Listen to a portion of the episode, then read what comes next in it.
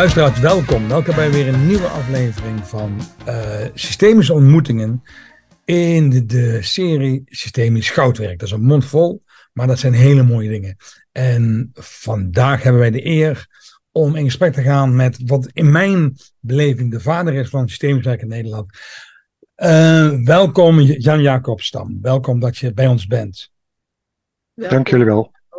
En ik vind het heel fijn dat je er bent. En ook heel mooi dat je mee gaat doen met, met onze, onze, onze uh, uh, serie van, van ontmoetingen, zowel online als live. En ik zei al, ik zie jou als de vader van systeemzaken Nederland. En hoe is dat voor jou? Ach, ja, nou ja, sommige, dat, dat is denk ik wel een beetje zo. Um, en op een aantal dingen ben ik dan uh, eigenlijk nu pas langs van ook best, best trots. En vind het ook vooral, vooral bijzonder. Bijvoorbeeld, uh, ik denk dat ik het woord systemisch, in elk geval gebonden aan ons vakgebied, in Nederland heb geïntroduceerd. In het begin snapte niemand dat. En nu is het zo'n ongelofelijke attractor geworden. Ook wel met een nadeel overigens hoor. de term vervuilt in hoge mate en ook, ook relatief snel. En um, ja, nou, ik, ik, ik, was toevallig, zou je kunnen zeggen, op het goede moment op de goede, goede plek. En uh, nou, ja, dat, uh, zo is het gegaan. Ja, mm-hmm. ja mooi. Hey Jan Jacob, jij doet mee eh, met het programma uh, Goudwerk. Dat is door uitgeverij Noorderlicht in de persoon van Michiel van der Ham uh, geïnitieerd. Ooit was jij ook uh, het beginsel, volgens mij, van uitgeverij Het Noorderlicht, samen met uh, het, vanuit het Bert Hellinger Instituut, denk ik. Nee, nee, nee, nee, nee, nee, nee. Nee, nee, nee. Nou, ik, ik ben zowel oprichter van het Noorderlicht als van, uh, van het Hellinger Instituut. Ja. Um, oprichter van Noorderlicht was een rebelse daad. Namelijk, uh, ja, ja, ja, ja. Ik heb meerdere rebelse daden, veel rebelse daden gedaan. Wat er rebels aan was, was uh, er begonnen allemaal opstellers te komen in Nederland. En um, de reden om boeken van Bert in eerste instantie naar het Nederlands te willen vertalen en om die reden een uitgeverij op te richten, was om um, deelnemers aan opstellingen ook te kunnen laten lezen waar een opstelling eigenlijk voor bedoelt. Dus de rebelse daad is uh, dat de kwaliteitscontrole in handen van uh, cliënten komt. En niet in handen van opstellers alleen.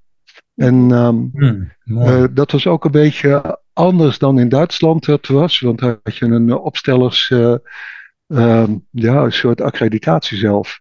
En we heel snel hebben in Nederland besloten, dat gaan we niet doen. Dat gaan we anders doen. Mm-hmm. En uh, ja, waarom ik meedoe aan, uh, aan dit programma, eigenlijk alleen maar omdat Michiel me dat gevraagd heeft. en uh, soms ja. vraagt Michiel me dingen en dan kan ik geen nee zeggen. Ah, zo, ja. zo simpel is het. Ja, ja, ja, ja. Je doet een, een, online moment, heb jij. dat gaat over het thema transformatie. Ja. En achter jou aan op de live dag komt uh, Siets Bakker. Die heeft al vast beloofd. Uh, nou, ik ga het in ieder geval anders doen dan uh, Jan Jacob. En we hebben het allebei over transformatie. En wij zijn benieuwd hoe jij aankijkt tegen het thema. Nou, ooit heb ik dingen gedaan voor de, wat toen nog heette de energietransitie, heel in het begin. En die beweerde dat het transformatie was. Beweerde zelfs dat het transitie was. En toen dacht ik, waarom irriteert me dit zo? Dus, dus, op die manier ben ik altijd rebels. Als er fenomenen zijn die me irriteren, wil ik weten waarom irriteert het me. Dus ik ben er nogal ingedoken in, wat is dat nou precies, transitie, wat is dat nou precies, transformatie?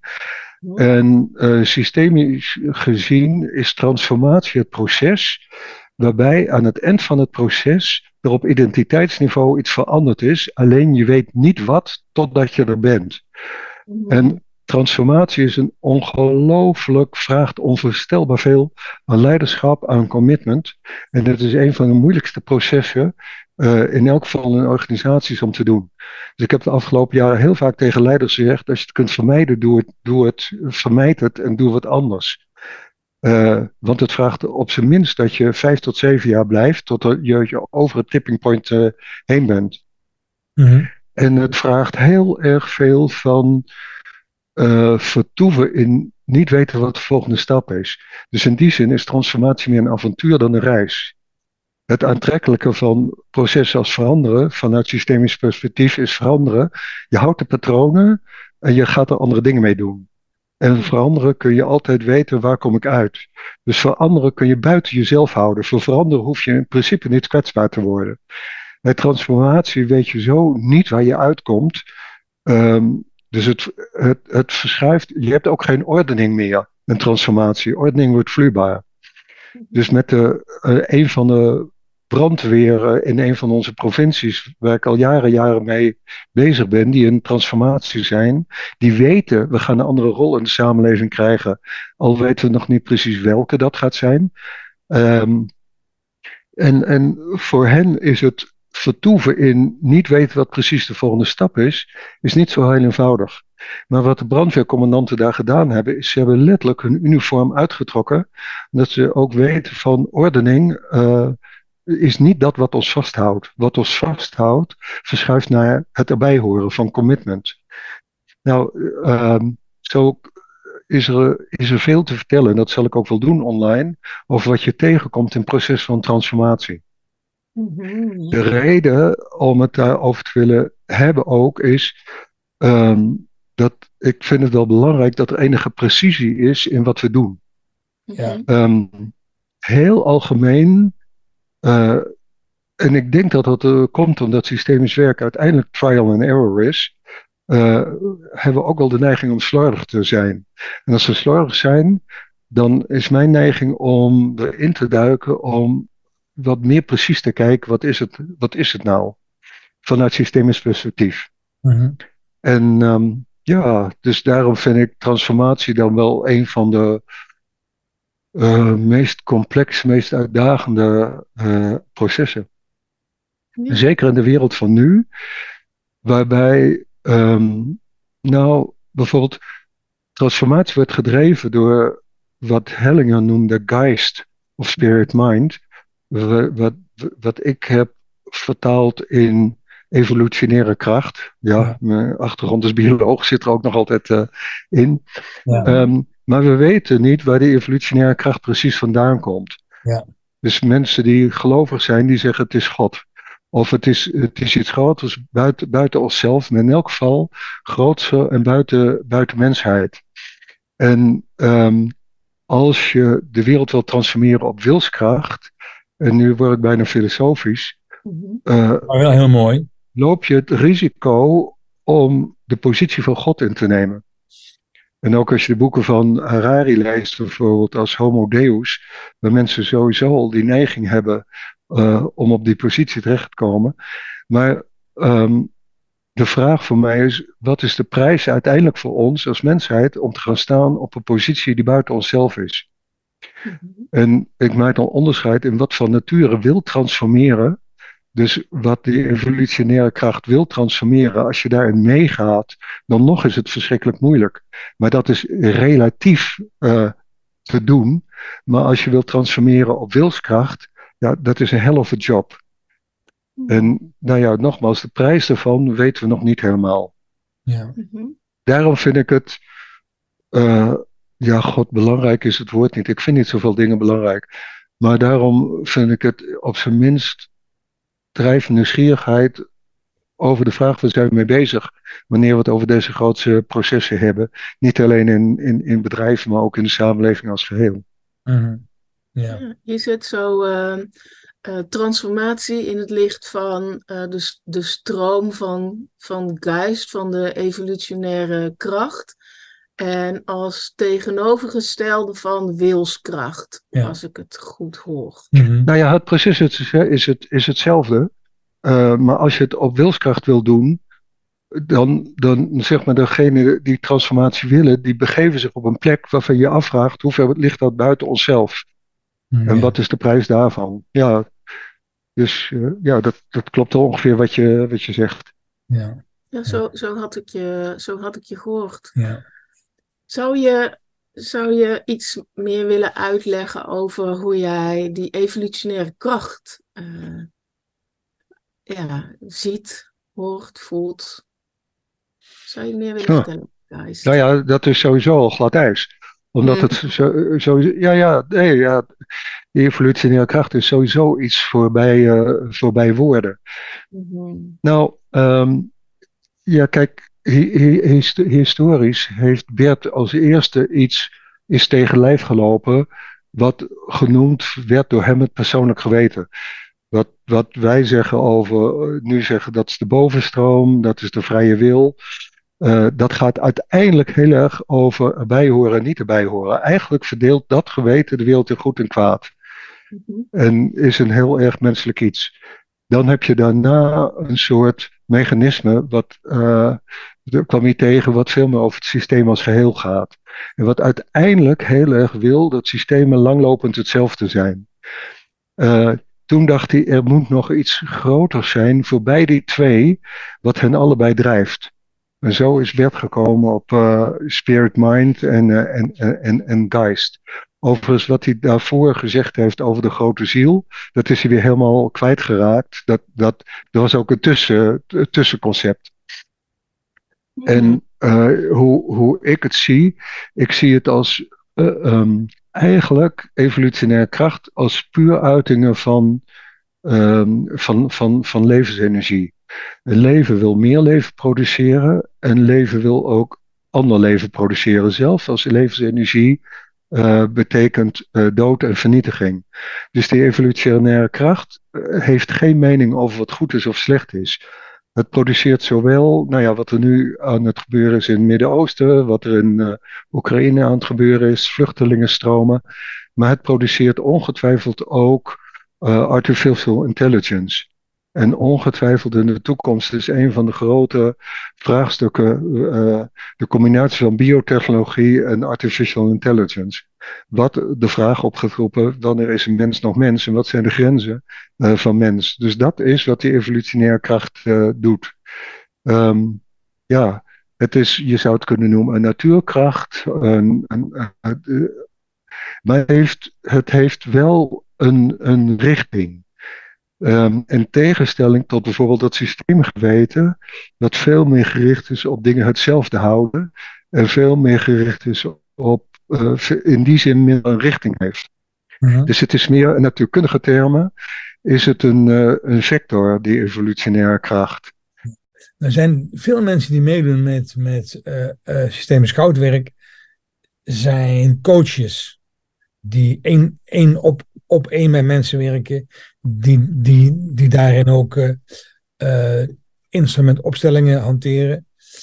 Um, hoe gaan zij um, uh, iets eruit halen voor zichzelf als het gaat over transformatie? Ja, nou, trans transformatie voor, op individueel niveau is een beetje vergelijkbaar. Het is een proces waarbij je niet weet wat je, wat je uitkomt waar je uitkomt en ook niet of het beter of slechter is dan voorheen. Hmm.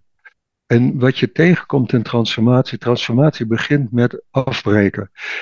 We hebben dat prachtige beeld van een, uh, een rups die transformeert in een vlinder. En het rare is, als ik die rups op mijn boerenkool zie, heb ik een neiging om weg te halen en te vernietigen. Als ik die, de vlinder van diezelfde rups op diezelfde boerenkool zit, heb ik de neiging om die vlinder te beschermen. Alsof het mooier is. Maar de crux zit hem in het tussenstadium van pop. Dat is een onzichtbaar stadium en dat duurt een aardige tijd. En je moet je voorstellen wat er gebeurt binnen in die pop. Die pop, alle onderdelen van de rups worden zo ver afgebroken, zodat het net niet doodgaat, maar wel zodat er bouwstenen ontstaan waaruit een vlinder kan ontstaan. Alleen die rups weet niet dat hij uiteindelijk vlinder wordt. Dus de crux zit hem in dat popstadium. En de, de prijs van dat soort transformatie is behoorlijk hoog. Het betekent dat je een tijd uh, met afbraak uh, bezig bent, zelfs afbraak van wat je zelf gecreëerd hebt. Overigens is dat een van de redenen waarom ik Bert bewonder, omdat hij bereid was om een aantal concepten en een aantal boeken die hij zelf geschreven heeft, te vernietigen. Van, dus hij, hij deed ook wel zijn eigen transformatie in, uh, in, zekere, zekere zin. Er zijn een paar hele goede redenen om uh, wat tegenhoudt in transformatie. De ene is de consequenties zijn te onbekend of te groot. Het heeft een hele hoge prijs.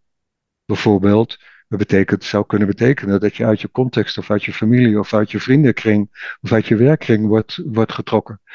En uh, nou, dat is, zonder dat je weet wat je ervoor terugkrijgt. Dus dat is wel een hoge prijs. Mhm. En het andere wat tegenhoudt zijn onze patronen. En onze patronen zijn een keer of vijf sterker dan wij zijn. Want de kans is groot dat met transformatie ook niet alleen identiteit verandert, maar ook patronen veranderen. En ook daar, je weet niet, uh, in tegenstelling tot bijvoorbeeld het proces van een reset.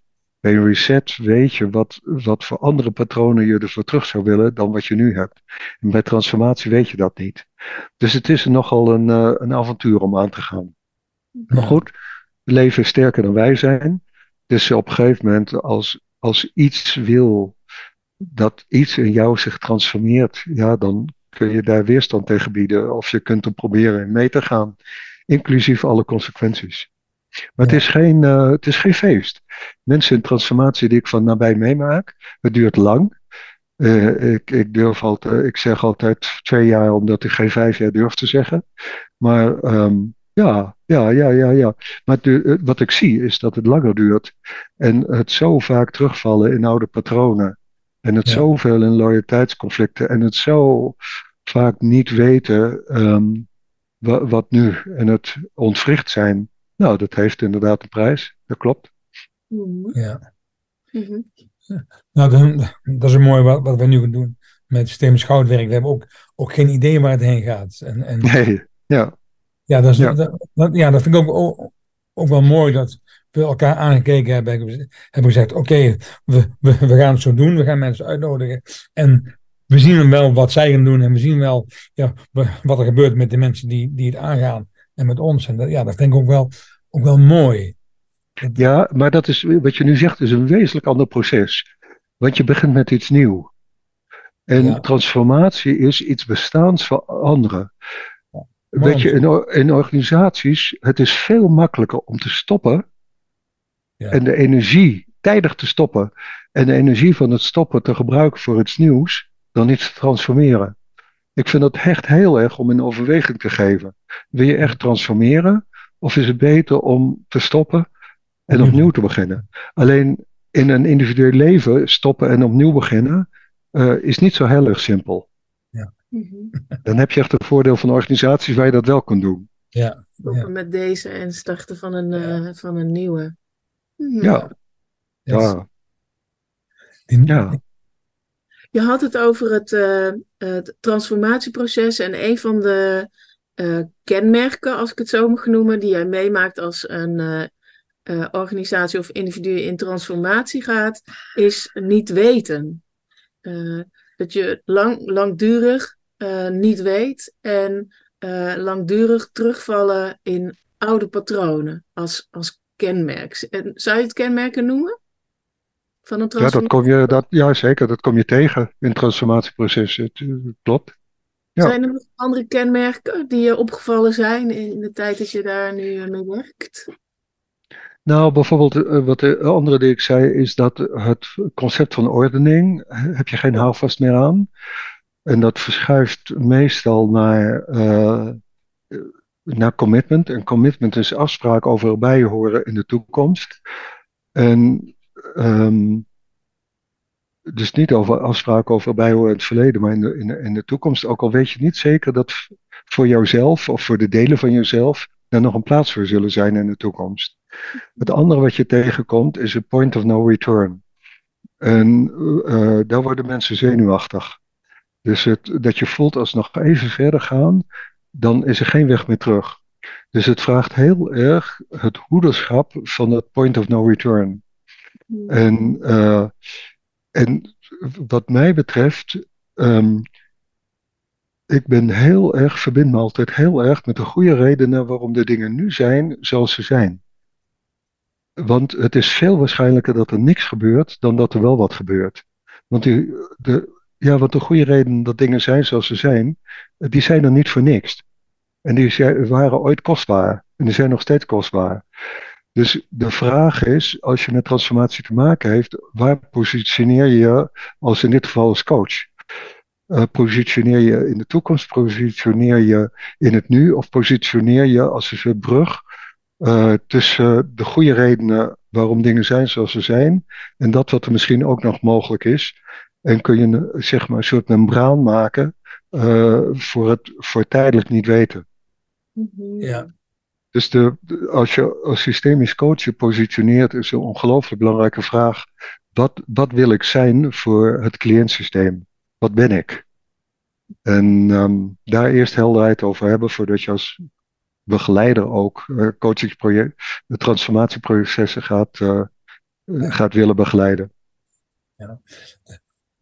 Uh, wat je nu, nu zegt, doet, doet me weer denken aan aan, aan de, de uitspraken die je hebt gedaan, waar ik veel aan heb gehad, waarbij het onderscheid helder maakt tussen systemisch werk en opstellingen.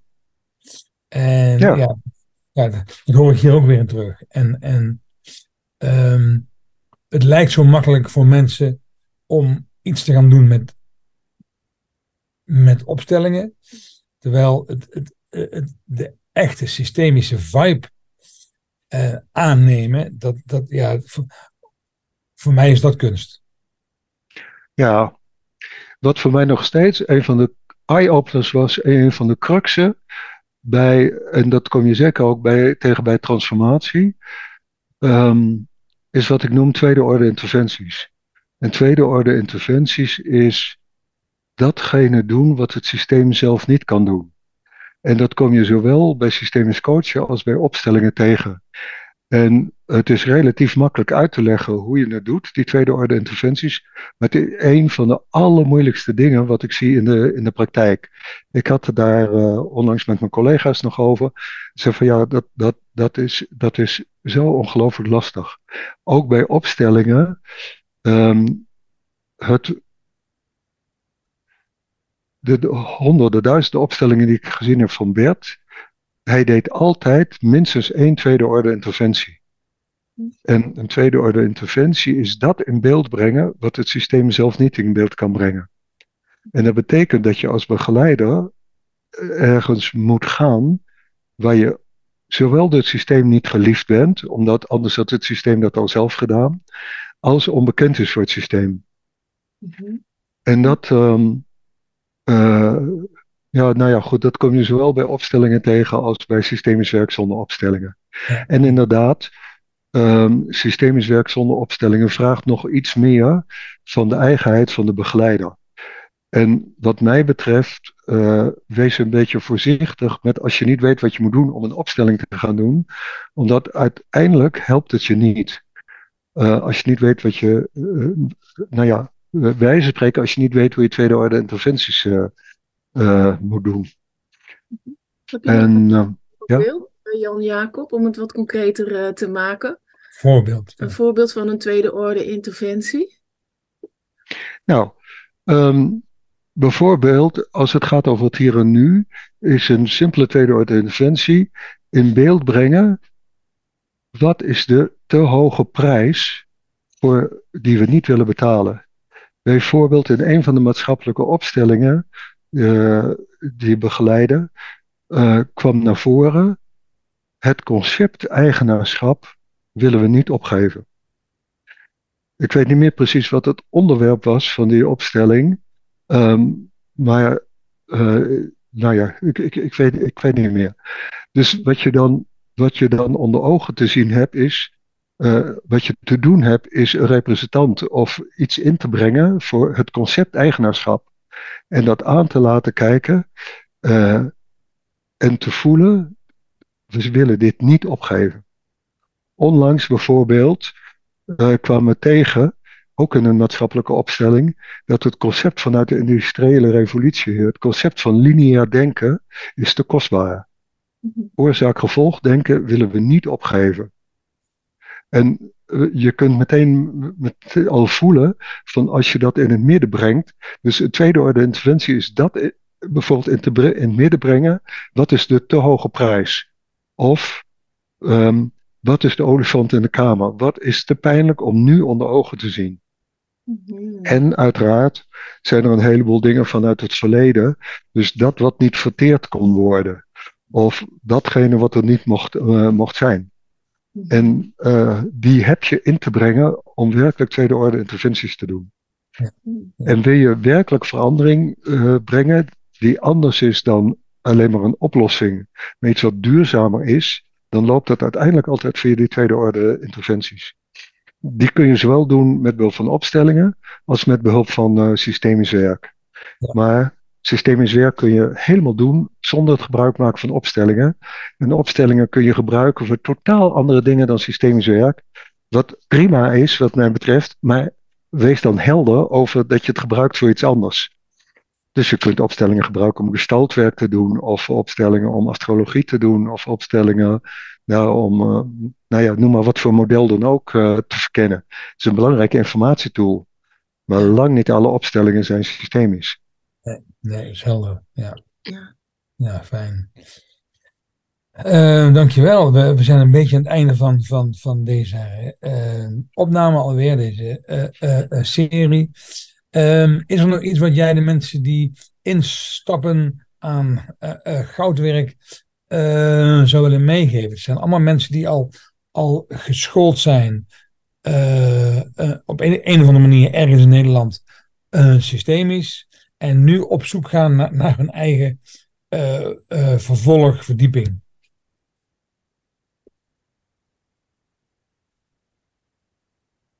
Nou, um, hm. wat terugkomt dan even is wat heel lang geleden, toen de inspectie voor geestelijke gezondheidszorg, voor gezondheidszorg bij ons langskwam, met de vraag wat is dat voor uh, gedoe met die opstellingen. Zij zei, we vinden twee dingen belangrijk. Ten eerste dat je het niet een behandeling noemt.